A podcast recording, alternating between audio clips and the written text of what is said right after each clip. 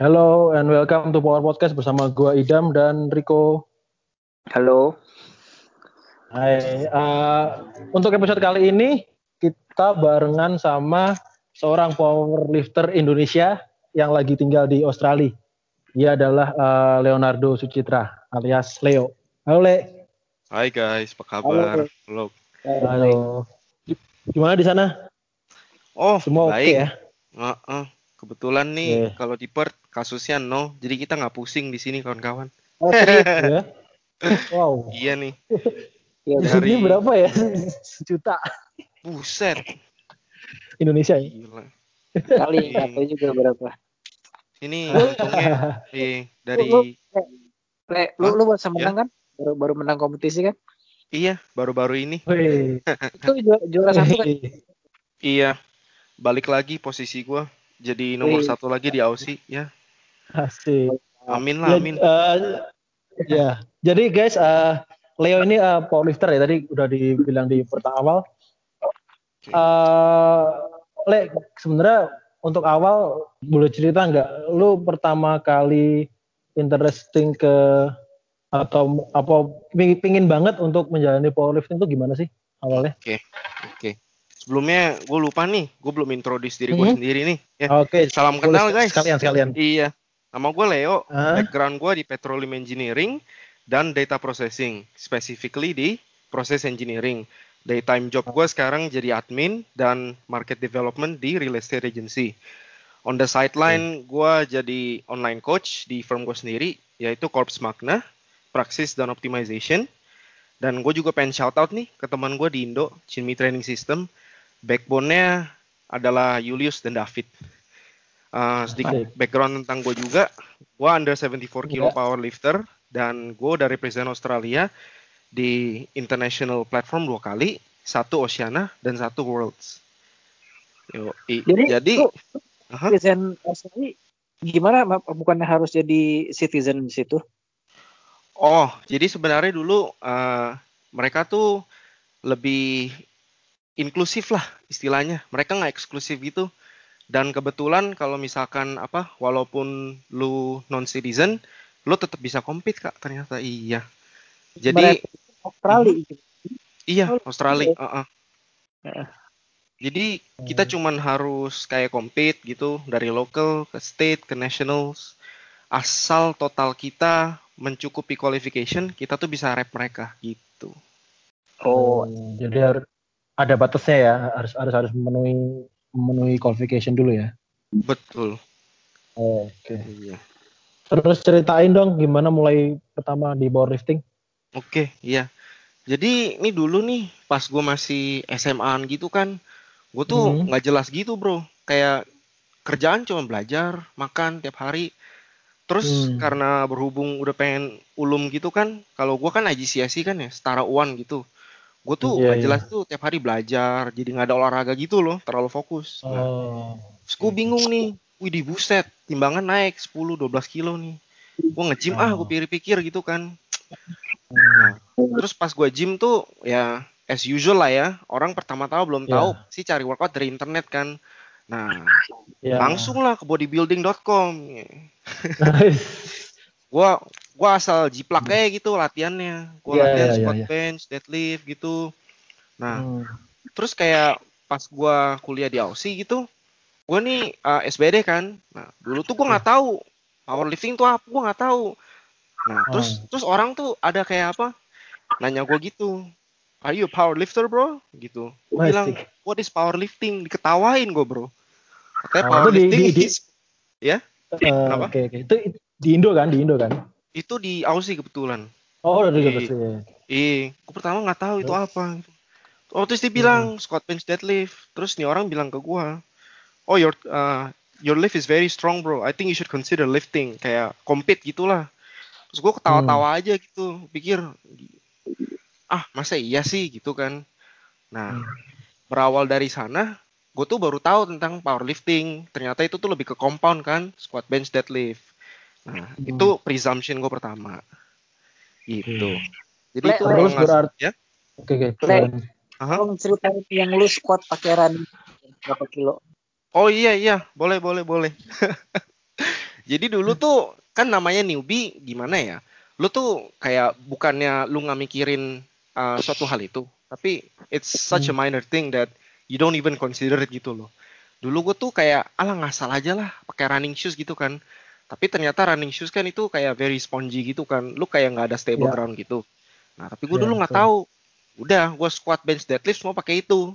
Lu, lu Dulu dulu pas gue balik GM pas ke Indo ya 2017 kayaknya gue dari 160 balik Indo lobar 180 langsung triple gue. Dengan pakai dengan pakai running shoes. Iya. Mantap. Gue deh. Gue deadlift. Gue waktu itu kalau nggak salah deadlift 210 kilo juga sampai geter-geter di game inget banget tuh gue masih ada video di insta malah. Gokil. Gokil. Sekali. Uh -uh. oke berarti lu powerlift tuh tahun total? Total total sih ya. Ya lima tahun lah. Lima tahun ya. Oke uh -uh. dari lima tahun itu kan berarti udah udah banyak dari, ikut ikut meet atau ikut competition gitu lah ya? Uh -uh. Tapi gue kompetitif baru uh, hampir empat tahun lah. Soalnya gue pertama kali kompet 2017. Uh -uh. Oh, okay. Itu pertama kali kompetisi rasanya gimana? Waduh, gila sih yang gue pertama kompetisi itu uh. sebenarnya mindset gue YOLO gitu loh, just for fun gitu. Tapi hmm. seru sih, hmm. kayak gimana ya? Ketagihan ya. iya betul. Jadi sebenarnya gimana ya? kalau lu ikut meet tuh lu tuh berasa kayak I mean it's something beyond your comfort zone gitu loh. Lu merasa benar-benar ditantang hmm. gitu. Dan kayak ready or not you should be ready gitu loh. Dan sejauh ini gue tuh udah kayak coba banyak hal dan uh, nothing compares to powerlifting gitu loh. The adrenaline, the fight or flight response gitu. Kayak gue bener-bener live the moment lah. Kalau gue compete gitu kak. Oke. Okay. Jadi emang emang apa namanya emang udah udah udah berasa kalau kompetisi udah kayak wah itu hidup dan mati lah ya sekarang lah ya. Wih di yoi, iya kan? berasa kayak Spartan Warrior bro, 300 tau kan? Asik. iya, gue nah, banget tuh. Berarti kalau ya terus gimana gimana? Iya, oh, um, ya, pertama gue. Ya, bukan ya? Iya, iya. Jadi lu itu kan kompet lu bilang under 74. Mm -mm. Nah, lu maksudnya apakah lu train di misalnya di 73 whole year round atau lu kayak cutting atau lu malah naik berat gimana selama lu latihan untuk persiapannya itu gitu? Oke oke. Jadi uh, sebenarnya gue dulu gue sengaja uh, apa stabilin berat badan gue di daerah 7576 gue selalu hover di atas berat badan uh, apa yang at least like, like a bit on top of like what I'm competing in gitu loh kok Hmm. Karena ya, karena gue dulu kayak gimana ya? Oh, gue tau deh temen gue kok. Dia tuh dari dulu pernah bilang ke gue begini, lu ngapain latihan uh, under the under your weight class when it's not needed gitu loh. Karena you just have to make that weight when you're competing. Terus dalam otak gue mikir, oh iya juga ya, it makes more sense gitu loh. Karena hmm. the more weight you have, the more weight you move juga, in a sense. Hmm. Dan uh, it's not it's not even about restricting food tapi lebih kayak gimana ya? Istilahnya ngapain lu ngelakuin hal kalau itu nggak benefit lu gitu loh. Iya. Jadi walking body weight gue dulu 7576 tapi sekarang gue latihan daerah 7778 kok mm -mm. oh berarti lu menuju kompetisi lu cutting gitu ya? Uh, iya. Gue cutting tapi gue cutting nggak sampai 74 gue cutting di dan gue hover di berat badan di mana gue bisa cut dari, dari water dan gua hilang okay. daerah yeah, 2 yeah. sampai 2,5 persen jadi itu nggak bakal hinder performance gua gitu iya yeah. iya iya iya oke terus uh, bisa apa namanya kalau mau compete gitu kan pasti hmm? ya kita semua tahu harus ada training program lah ya hmm? harus ada training, training cycle training program gitu lu uh, gimana sih cara nyusun program lu Oh, sebenarnya uh, powerlifting programming tuh straightforward ya. Konsep dasarnya itu cuma hmm. satu, yaitu individualization gitu. Memang hmm. core core dari programming powerlifting itu ya squat, bench, deadlift because you just have to practice how you compete kan. Yeah. Tapi yeah, yeah, specificity itu adalah kita tuh harus bisa assess gitu kebutuhan kita atau kebutuhan lifter itu tuh apa. Jadi kalau dalam segi coach tuh kita harus benar-benar paham biomekanika uh, orang yang mau kita prep gimana, kekurangan dia tuh gimana, goalnya dia tuh apa. Nah, dan salah satu variabel untuk uh, membuat individualization itu sukses adalah assessment. Nah, itu tuh penting banget. Uh. Kita tuh harus paham betul gitu gimana orang tersebut uh, like how they move, how they compensate gitu, what are their strength and weakness istilahnya gitu. Okay. Uh -uh. Dan juga um, uh, terus terus ya, oke. Okay. Dan juga terus, terus, uh. Uh, memang kayak squat bench deadlift tuh kayak that's the core of like the program. Tapi kita tuh juga ada yang namanya uh, accessories. Tapi sebelum gue bahas, gue pengen kasih tahu nih Sebenarnya hmm. social notion accessories tuh it's not one specific thing. Accessories itu itu tuh umbrella term. Jadi maksudnya apa? Uh. Ada namanya secondary movement, ada namanya tertiary movement, ada yang isolation. Isolation uh, sebagian dari tertiary movement juga gitu. Hmm. Iya. Oke, okay. uh, kalau misalnya gini deh, hmm. cara lo nyusun nyusun program dalam satu cycle gimana sih? Contohnya aja deh, kayak misalnya uh, phase one ngapain, phase two ngapain gitu? Oh, sebenarnya begini, tergantung. Cara kasar aja, cara. Oke, okay, nah. iya. Jadi Gimana? let's just assume lah liter A nih, hmm. beginner dia pengen prep hmm. Pertama hmm. tuh kita harus tahu background dia. Dia yeah. tuh dia tuh bener-bener newbie kayak nggak pernah pegang barbel atau gimana gitu.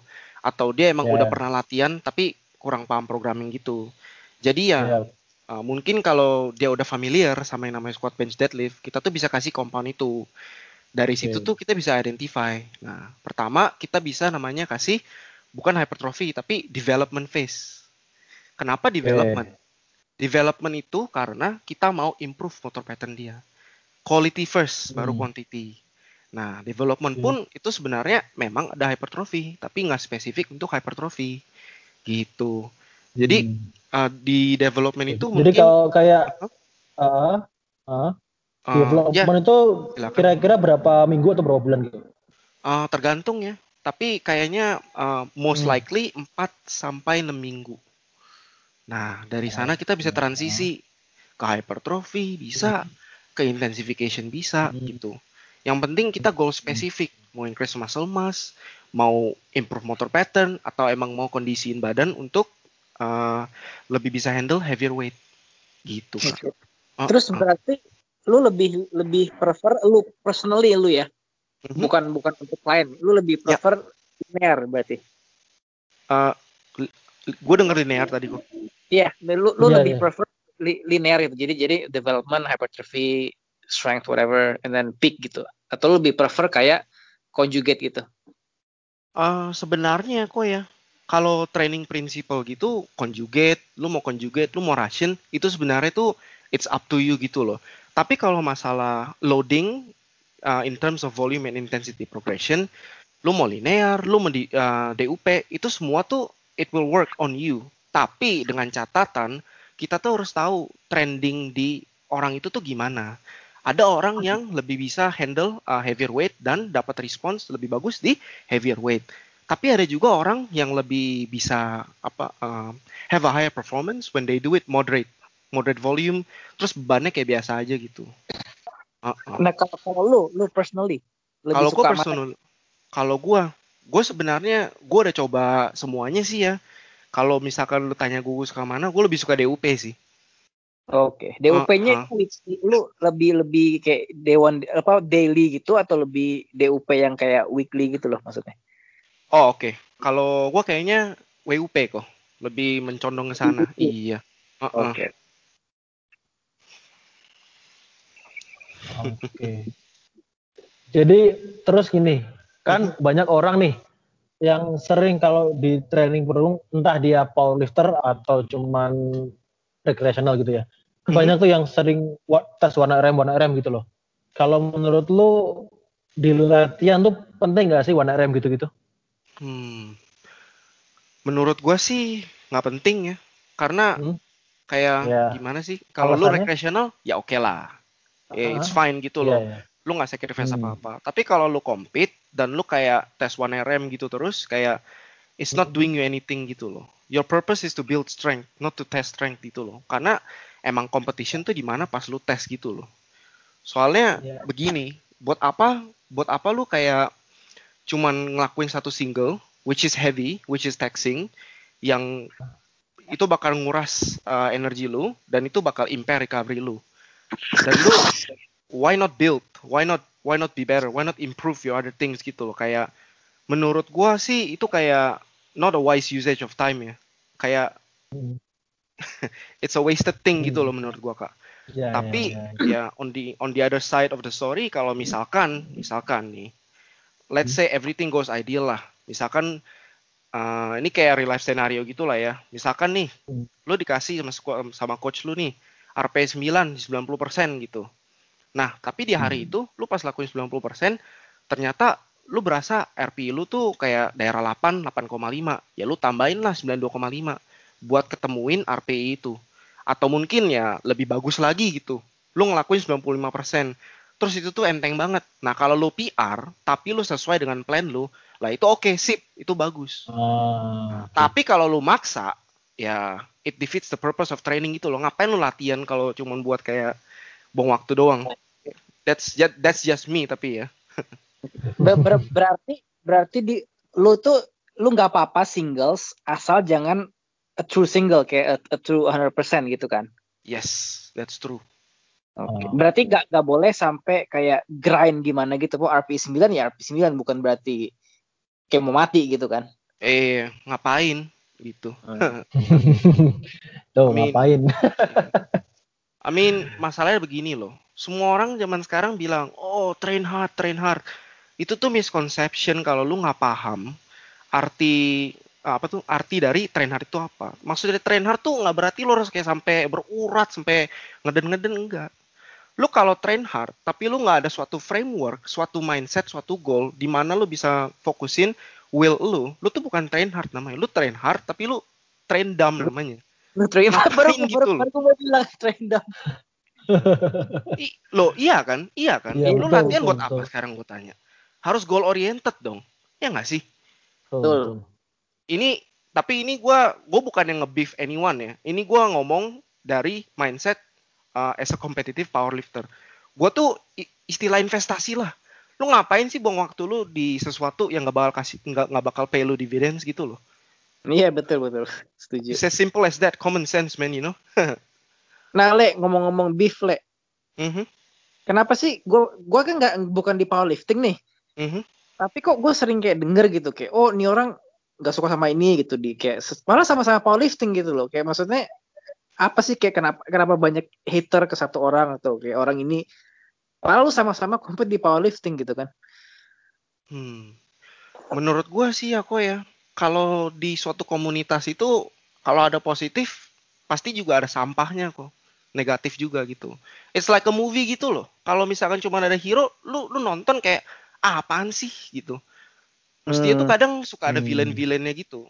Tapi ya jokes aside ya, jokes aside menurut gue tuh itu semua akar dari itu semua tuh insecurity. Ya nggak sih?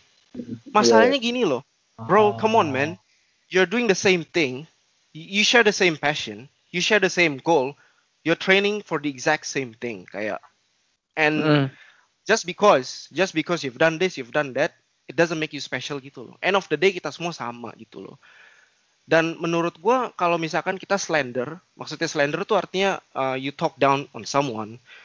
Like if you hate someone for them just doing, just minding their own business and doing their thing, menurut gue tuh lu insecure bro. Kayak buat apa? Lu tuh kayak ngurusin orang lain dan lu kayak give them negative comments gitu loh. Kayak ya, hate for hate sake kan, bukan nggak nggak ada constructive criticism ya gitu maksud lo. Iya. Nah biasanya bi biasanya ya iya kalau if it's constructive criticism sih it's okay gitu loh. But mm. if it's like hate, uh, like without a proper context, kayak, come on man, do you really have that much free time for dramas, you know?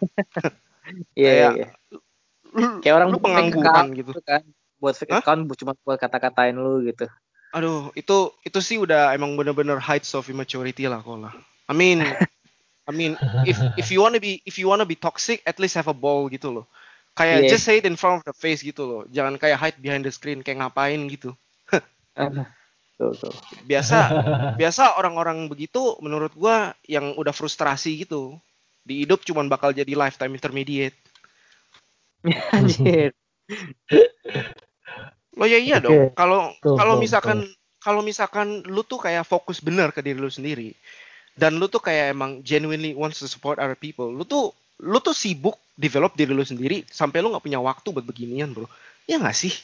Betul, betul. Iya, iya. Kayak I mean, like to be fair, to be fair, ya. Yeah, kayak just because like um I say something negative about someone to validate to validate what my weakness is, it it won't do any justice gitu loh. Ya nggak sih? What's the yeah. point, man? Dan kayak gimana ya? Beef kayak gitu menurut gua it's a bad rap for the sport gitu loh. Mereka juga harus paham dari pandangan hmm. orang luar tuh gimana orang tuh bakal mikir ini apaan sih kok banyak drama itu tuh nggak bagus sebenarnya or iya nggak sih iya betul bener, bener, bener, bener, bener. dengan dengan mereka melakukan itu orang publik tuh bakal mikir begini fitness community kok banyak drama sih gitu kan ya gimana ya I mean it's a setting sih tapi ya it is what it is lah I guess Oke, okay, uh, terus balik lagi deh ke hmm. spesifik ke powerlifting ya. Mm-hmm. Jadi kan powerlifting kan sebenarnya kan sport uh, spesifik lah ya. Mm-hmm. Nah itu uh, ke, kebanyakan yang lo tahu kesalahan-kesalahan yang dilakuin oleh pemula itu apa sih buat uh, dari newbie gitu kalau baru mau mulai powerlifting kesalahan-kesalahan oh, umum lah kayak yeah. mungkin dari tren program atau dari apanya. Mm-hmm. Jadi menurut gua ini uh, talking from personal experience sama yeah. cuman dalam perspektif gua aja ya menurut hmm. gua tuh mereka terlalu fokus ke bigger picture sampai-sampai hmm. tuh mereka lupa kalau sebenarnya smaller part of the picture itu bakal bikin bigger picture itu nah maksud gue nih apa mereka tuh terlalu hmm. fokus sama nomor jadi mereka tuh kayak emang bener kayak hmm. misalnya powerlifting the objective is to move the heaviest weight possible gitu kan but like yeah. kalau misalkan lu move heavier weights tapi form lu acak adut lah ya kan lu lu latihan hmm. berat terus terus lu injury lah kayak hmm. buat apa lu lakuin sesuatu kalau misalkan itu tuh nggak long term gitu loh ya nggak sih uh, yeah, yeah. oke berarti ter betul betul betul, betul. Mm -mm. ada lagi nggak kira-kira apalagi kayak misalnya mereka yang program yang copy paste dari seorang profesional atau seorang atlet gitu mungkin banyak oh banyak sih? banyak itu banyak uh, tapi tapi yeah. ya di sinilah di mana peranan kita sebagai coach dan ya sebagai fitness influencer yang punya integrity lah ya lebih harus ke educate masyarakat gitu loh. Hmm. Jadi maksudnya itu apa? Kita tuh harus bikin mereka paham kalau semisal tuh orang tuh beda-beda gitu loh. Balik lagi ke faktor individualization yang sudah gue bilang tadi. Banyak yep. orang nggak paham itu. Banyak orang mikir, oh ini nih dia ngelakuin ini terus kuat banget nih. Ah ya. Lu Tuh. paham nggak? Lu paham nggak kalau misalkan leverage lu beda, biomekanika lu beda, strength weakness lu beda, gitu. Banyak banyak missing pieces yang mereka nggak consider gitu. Menurut gue. Iya sih. Emang itu jadi jadi apa namanya? Jadi kayak problem di apa ya semua sport sih kalau menurut gue. Jadi orang pengen ngikutin latihan dari atlet pro, padahal dia sendiri belum siap untuk itu gitu kan. Iya betul. Dan, okay. uh, dan sebenarnya ya terima kasih juga ya sama fitness influenza. Eh maksud gue influencer. jadi jadi jadi gini mereka tuh ngomong oh I work hard day in day out. Tapi uh. sebenarnya tuh tapi sebenarnya begini bro. Lo emang work uh. hard tapi tapi hard work. The term hard work tuh relatif loh. Lu yeah. lu work hard nggak tentu lu work hard lebih uh, keras daripada gua dan juga sebaliknya Betul. gitu loh. Lu lu mendingan work smart dulu ya, udah ada sistem baru lu work hard. Jadi ada yeah. tujuan setidaknya. Tujuan. Betul, betul. Iya, iya. Jadi betul, balik, betul. balik lagi jangan train dumb gitu kan. Nah, iya. Dan dan juga begini loh. kayak oke, okay, sat, uh, satu poin lagi nih. Jadi kayak gimana ya? Gue juga udah jadi culprit dari apa? My, uh, frame of mind ini dulu tuh gue latihan volume tuh buset udah kayak macam Rodi bro. Kerja Rodi bro tau gak lu? Jadi jadi gue jadi tuh dulu gue punya konsep untuk mikir gini the more I do the more I get gitu. Nah hmm. untung-untungnya gue cuma acute fatigue. Gue nggak sampai kayak injury gitu segala macem. Nah gue juga okay. pengen ingetin ke orang sebenarnya sometimes ya sometimes less is more. Dan kayak walaupun lu latihan banyak dan keras itu tuh nggak menjamin lu bakal dapet uh, hasil yang hmm. sesuai ekspektasi lu lah. Kalau kalau mau kasarnya begini, kalau misalkan semua orang work hard, ya dengan work hard, lu bisa jadi kuat. Semua orang udah jadi world champion, bro. Betul yeah, yeah. sekali, betul sekali. Iya iya iya betul betul betul. Terus juga apa? menurut gua ini gua gua, gua tadi barusan dengar podcast dari salah satu trainer basket gitu ya. Mm-hmm. Ini ini sebenarnya dari dari point of view sebagai coach, tapi gue bilang ini juga apply apa ke orang yang actually melakukannya gitu. Jadi dia bilang, mm-hmm. lu sebagai coach, like don't coach them to impress the player gitu, tapi you coach them to improve them gitu loh. Oh, 100%. 100%. Jadi, jadi banyak banyak coach gitu, karena kan suka wah kasih program aneh-aneh, kasih exercise gini-gini, kayak you know kayak make them tired, bla bla bla, kasih heavy, bla, oh kayaknya tapi like it's not doing shit gitu kan. Like you just trying to impress them gitu kan. Tapi sebenarnya it's back to the basics gitu kan. It's always it's always back to the fundamentals. Bukan bukan yang aneh-aneh gitu. Tapi ya get good at the basics itu. Like fix fix your weakness fix your leaks. Then you yes. get better. Dan itu oh. menurut gua apply, apply juga ke lifternya sendiri gitu. Kadang orang lifter wah like do it for the gram gitu kan. Angkat apa I don't know like 5 reps 300 kilo atau berapa lah tapi like it's shit gitu. Maksudnya yeah. ya kayak lu bilang tadi apa apa poinnya gitu kan. Hmm. terus lu, lu komplain oh sakit sakit oh komplain ya terus kita kasih tahu gitu oh lu sebaiknya jangan gini gini gini fix ini dulu. Tapi nggak mau dengar gitu. Malas juga gitu kan lama-lama. Ya yeah, makanya kok. Kadang kalau lu pinter di dunia ini tuh itu kayak semacam kutukan sih sebenarnya. Anjir oke Oke okay, ya, uh, balik lagi. Uh, kenapa kenapa? Tapi ya kan kita baik kan. Jadi kita lebih mau apa bikin masyarakat aware gitulah. Hmm. iya sih, iya sih pastilah. Masa mau menjerumuskan kan nggak okay. itu juga. Iya. Apa untuk ini ya kan? Yo, jangan jadi anti drama-drama club. Lu sebar positivity tapi Asik. di belakang lu negatif. Yo, Aduh, aduh, aduh.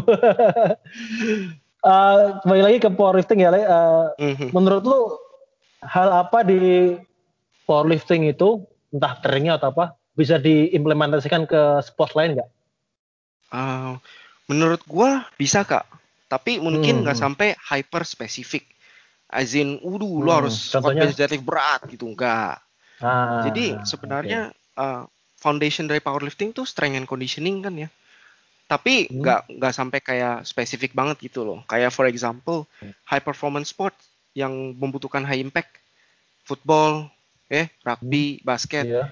mereka tuh yeah. masih lakuin strength sama conditioning kenapa karena menurut gue strength and conditioning tuh bener-bener kasih lu bang for the buck gitu loh lu yep. lu tuh dapat muscle development ada ya vestibular control Betul. ada coordination ada agility ada Nah, tapi hmm. lu harus melakuin uh, spesifik dengan konteks tertentu. Goal lu tuh apa? Betul. Balik lagi gitu, Kak. Nah, jadi ya, menurut kan gua sebenarnya banyak huh? tuh orang yang yang apa namanya pikir oh gua harus naikin squat gua, bench gua, deadlift gua padahal secara secara form, secara teknik dia belum menguasai gitu. Padahal sebenarnya kalau menurut gua ya weight itu kan sebenarnya kan bakal ngikutin kan asal hmm lu bisa nguasain how to perform secara baik kan nggak nggak melulu hmm. harus harus oh harus satu rm nih harus dua rm nih gitu loh hmm. jadi hmm. uh, dari situ sih kalau menurut gue iya gue setuju sih namanya proses tuh emang butuh waktu ya Rome isn't built in a hmm. day gitu loh kayak even top top athlete yes, iya itu yang menurut lu kayak one night wonder gitu dari satu hari tiba-tiba jadi boom populer gitu dia tuh kayak four five years in in working man iya. kayak you just don't know what's behind the scene gitu loh Nah, Le, terus nih gue mm -hmm. gua gua ada poin. Ini mungkin lu disagree, mungkin agree, gue nggak tahu. Oke. Okay. Buat gue gitu ya, ini ini pet peeve gue banget gitu. Mm -hmm. uh, menurut gue, your rep from warm up to 1 RM, maksudnya yang 1 RM yang bukan 1 RM yang competition 1 RM ya maksudnya. Mm -hmm. 1 RM yang kayaknya mungkin masih 95 98% gitulah. Mm -hmm. Menurut gue harusnya nggak ada nggak nggak ada breakdown gitu loh. From it, it should look exactly the same gitu. Kalau misalnya ada breakdown, there's something yang yang yang breakdown di sistem lu gitu loh. Menurut gua ya. Uh, jadi uh, point of argument lu tuh pasti ada breakdown. Enggak, point of argument harusnya enggak. Harusnya your rep should look exactly the same from warm up to your heavyweights gitu. Hmm. Gue somewhat agree, tapi somewhat disagree kok. Dan gue bakal jelasin kenapa sekarang. Okay. Jadi sebenarnya ya, kalau misalkan dalam training condition, mungkin semua variabel uh, yang bisa dikontrol lebih dikit. Kenapa? Karena kita tuh nggak ada uh, external pressure gitulah. Beda sama competition, which is what I'll discuss later on. Jadi sebenarnya tergantung level dari lifter itu juga. Apakah dia beginner, apakah dia intermediate, apakah dia advance. Tapi kalau semisal hmm. nggak ada teknik breakdown, itu gue setuju. Dalam konteks tergantung latihan lu juga. Kalau misalkan hmm. latihan lu high frequency, dan lu kayak lu ada time gitu buat practice submax submax tuh ya it's like probably say RP 8 RP 9 gitu loh mm-hmm. nah mungkin dari situ lu bisa ada form integrity yang tinggi nah mm-hmm. tapi kalau misalkan competition lu ada mm-hmm. external pressure gitu kan lu tuh kayak walaupun dalam warm up lu dial in mental cue oh I should do this I should do that tapi kita harus take into consideration juga kalau misalkan external pressure kayak fight or flight adrenalin gitu, kita tuh nggak yep. mungkin bisa think clear. Jadi ya mungkin ada breakdown, tapi that breakdown is still acceptable lah kok. Hmm. Iya itu kalau itu gue setuju kalau dalam competition gue setuju gitu. Dan kadang Atau, juga uh-huh. kayak pet peeve gue itu high level lifter yang mungkin juga sebagai coach gitu kan. Dia hmm. ngajar bilang anggaplah deadlift paling gampang gitu ya.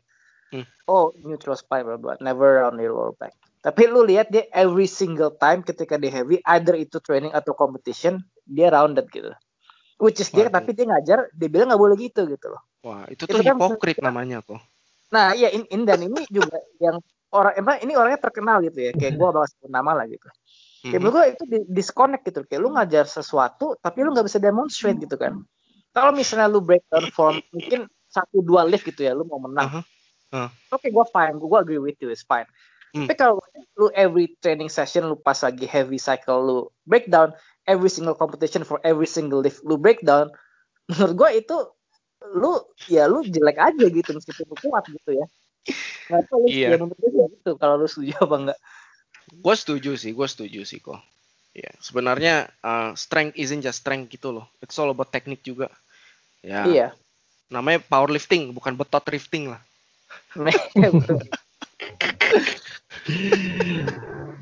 Anjir. Oke, okay, uh, eh, kan lu sekarang di di di, di Aussie lah ya, uh, Le ya. Mm. Lu ngikutin itu nggak sih kayak perkembangan powerlifting di Indonesia? Uh, masih, gue juga masih in touch yeah. dan gue oh. kayak kenal gitu sama ya anak-anak baru, like the next generation lah. Uh -uh. Ah, okay. Terus uh, gimana? Menurut lu di, di di Indonesia gimana powerlifting sendiri? sekarang? Uh, menurut gua dari segi powerlifting scene ya, udah hmm. lebih ada exposure, terutama ke hmm. publik. Dan gue tuh lebih lihat banyak kayak anak-anak muda, teenagers gitu, udah mulai uh, latihan, tapi latihan mereka dominan powerlifting, which is ah. great gitu loh. Dulu dulu pas gue powerlifting tuh kayak gue tuh mikir kok cuma gue sendiri ya yang ngelakuin ini ya kayak who the fuck does this shit except for me gitu loh tapi ya hmm. it's a good thing juga sih like is being pushed to the right direction sih menurut gua. Dan juga kalau nggak salah udah ada Raw War ya namanya ya kalau nggak salah. Oh ya. Itu tuh iya. Mid mid Kom mid lokal. Uh, ya? Competition gitu. Iya. Gue seneng banget tuh sebenarnya ada mid begitu. Dulu di zaman gua nggak ada begituan. iya. Dulu kok jadi kompetisi yeah, gitu yeah. tuh bagus. Jadi orang tuh lebih ada sense of inclusiveness gitulah. We all belong together apa segala macem gitu. Which is good hmm. dan orang tuh lebih kayak bisa tahu oh lu powerlifting juga oke okay, gitu. Oke, oke, oke. Uh, yang bisa di, ditingkatkan apa sih kalau dari powerlifting Indonesia itu? Kalau menurut lo? Dari kacamata seorang profesional lifter ya maksudnya. Cara pro, cara latihan lah, secara karena kan kita nggak nggak ngomong komunitas karena kita bukan di komunitas itu gitu kan. Mm -mm. Oh iya, kenapa kok? Uh, uh, menurut gua sih ya, kalau dibandingin dari zaman-zaman gue pertama lifting sampai sekarang hmm? udah berubah drastis ya dan hmm. uh, kalau gue pengen perbaikin sesuatu sih ya gue cuma bakal kasih tau satu hal sih kayak hmm. kayak apa just just don't engage in any drama gitu loh kalau nah. build build a culture of not false positivity but build a culture of kayak genuine support gitu loh uh, maksud gue dari itu apa okay. kalau lu nggak ada suatu hal yang baik yang bisa lo omongin, lo mending gak usah ngomong sama sekali gitu loh. Daripada hmm, lo iya. bikin drama, orang jadi baper, oh ini kenapa nih gitu. Ya, ya, ya. Tapi sekarang, ah kenapa? Hmm, terus terus terus terus nggak apa. Oh, tapi sekarang udah lebih baik sih ya, udah ada culture of inclusiveness gitu loh. Orang hmm. udah sama-sama kayak acknowledge one another, lebih ada komunitas sendiri. Mungkin ke depannya bisa ada satu komunitas mungkin yang kayak maybe connect the lifters gitu. Jadi kita nggak segregated into small circles, I guess. Okay. itu secara secara community lah ya. Uh, uh, betul kak. Kalau secara nanti gue kadang kalau lu, lu ngomongin false oh, positivity gitu ya. Jadi kadang tuh gue agak enak gitu ya misalnya. Wah PR gitu kan. Hmm. Oh, squat terus kayak aduh squatnya kayak mau hancur tapi kayak semua orang yang di situ komunitas itu kayak job man tapi kayak udah gitu loh tapi lu nggak kasih apa advice yang bikin yang bisa improve dia gitu loh. Misal, oh deadlift 260 kilo tapi kayak kayak, kayak anjing berak gitu deadliftnya kan. like it's it's it's a good thing you you PR gitu kan. Tapi masa kayak gitu gitu loh. Kayak lu lu sebagai mungkin sebagai kayak misal lu gitu, lu sebagai yang lebih experience lu sebagai coach whatever. Instead of lu cuman kayak repost kayak oh good job good job man kayak lu kasih kasih inilah kasih constructive criticism supaya oh good job maybe next time ini gini-gini gitu loh sekarang tuh gue kayak ya lu lu it's you you promoting something bad in a way gitu kan yes that's Now, exactly like, on the money like, kok like like huh. newbie lifters lihat itu kayak oh dia nggak apa-apa kok lift kayak gitu like dia nggak apa-apa kok kayak rounded back anjing poop whatever gitu loh maksudnya ya gitulah ya, ya bang, di situlah bang. di situlah itulah alasan kenapa gue bilang promote positivity but not false positivity gitu loh. If you wanna be supportive, you have to be real as well. You have to be genuine lah istilahnya lah. Kalau jelek ya bilang jelek, kalau bagus bilang bagus gitu. There's no, there's nothing in between menurut gue. Betul banget gitu. Tapi banyak orang offended gitu kan kayak, ah apa nah. sih lu hater aja lu, lu angkat segini nggak bisa. Nah. Apa, apa hubungannya gue angkat bisa nggak bisa gitu kan? Ini kan ngomongin lu gitu kan? Iya, jadi sebenarnya salah satu hal yang bikin gue sedih ya, mungkin karena gue idealis. Gue tuh kayak I see the good in people gitu loh that they don't see in themselves. But that's not the whole point. My point is mungkin ego orang tuh terlalu fragile gitu loh. Sampai-sampai mereka tuh kayak like you know they receive it in like an offensive way when in reality you just wanna help, you know. Mungkin yeah, ego mereka Iya, mungkin ego mereka tuh terlalu fragile. Uh, and it makes them unable to comprehend kalau misalkan tuh kita sebagai individu tuh nggak bisa paham semua hal gitu loh. Menurut gue sih it all stems from that sih dan kayak just be more open minded I guess and just be more relaxed gitu. Don't take things literally. Jangan baperan lah ya istilahnya. Betul. Iya, Kayak selawah aja gitu loh. Iya benar benar. Uh, Oke ada lagi kok yang mau ditambahin kok? uh, udah kali ya. mungkin mungkin next time kalau kita lu mau bahas next episode lebih detail ke programming mungkin atau apa gitu. Boleh. Ini kok. untuk ini mungkin kita stay stay di sini dulu. Production dulu ya. Kita next episode we'll discuss uh, powerlifting lebih detail lagi. Oke, okay. it will be a pleasure kok. Ya. Yeah. Yep. Yeah. Thank, thank you so you, much. Ya. Waduh, gue yang harus bilang thank you nih, udah diundang ke Power Podcast nih. Thank you Kak Idam, thank you Koriko. Thank you, thank you, thank you, Oke. Okay. Take it easy. Uh, Bye. Iya. Oke okay, guys, uh, mungkin episode kali ini sampai ini dulu. Nanti mungkin kita ada next episode yang bisa bahas spesifik buat kalian yang mau powerlifting apa program gitu. Kita akan bahas lebih spesifik lah ya ke programming lah ya. Oh iya Le, sebentar Le. Mm -hmm. uh, kalau orang mau mau follow lu apa Instagramnya? Oh iya, boleh dong shout out ya. Thank you, thank you. Uh, at Lionheart underscore PL. Oke. Okay. Iya. Ada lagi terus, uh, uh, at corpse c o r p s underscore magna m a g n a. Thank you. Oke, okay. okay, itu guys yang mau follow silahkan follow ya. Dia post good content. Wah, kamsia kamsia. Oke, okay, uh, Oke, sampai itu dulu ya untuk episode kali ini. Nanti kalau ada episode baru atau kita mau bahas powerlifting lagi, kita bakal bikin episode lagi sama si Leo pasti. Oke, okay, thank you so okay. much for listening. Oke, okay, thank you so much. Thank you, Le. Thank you, thank you. Oke, okay, guys. Oke, okay, guys.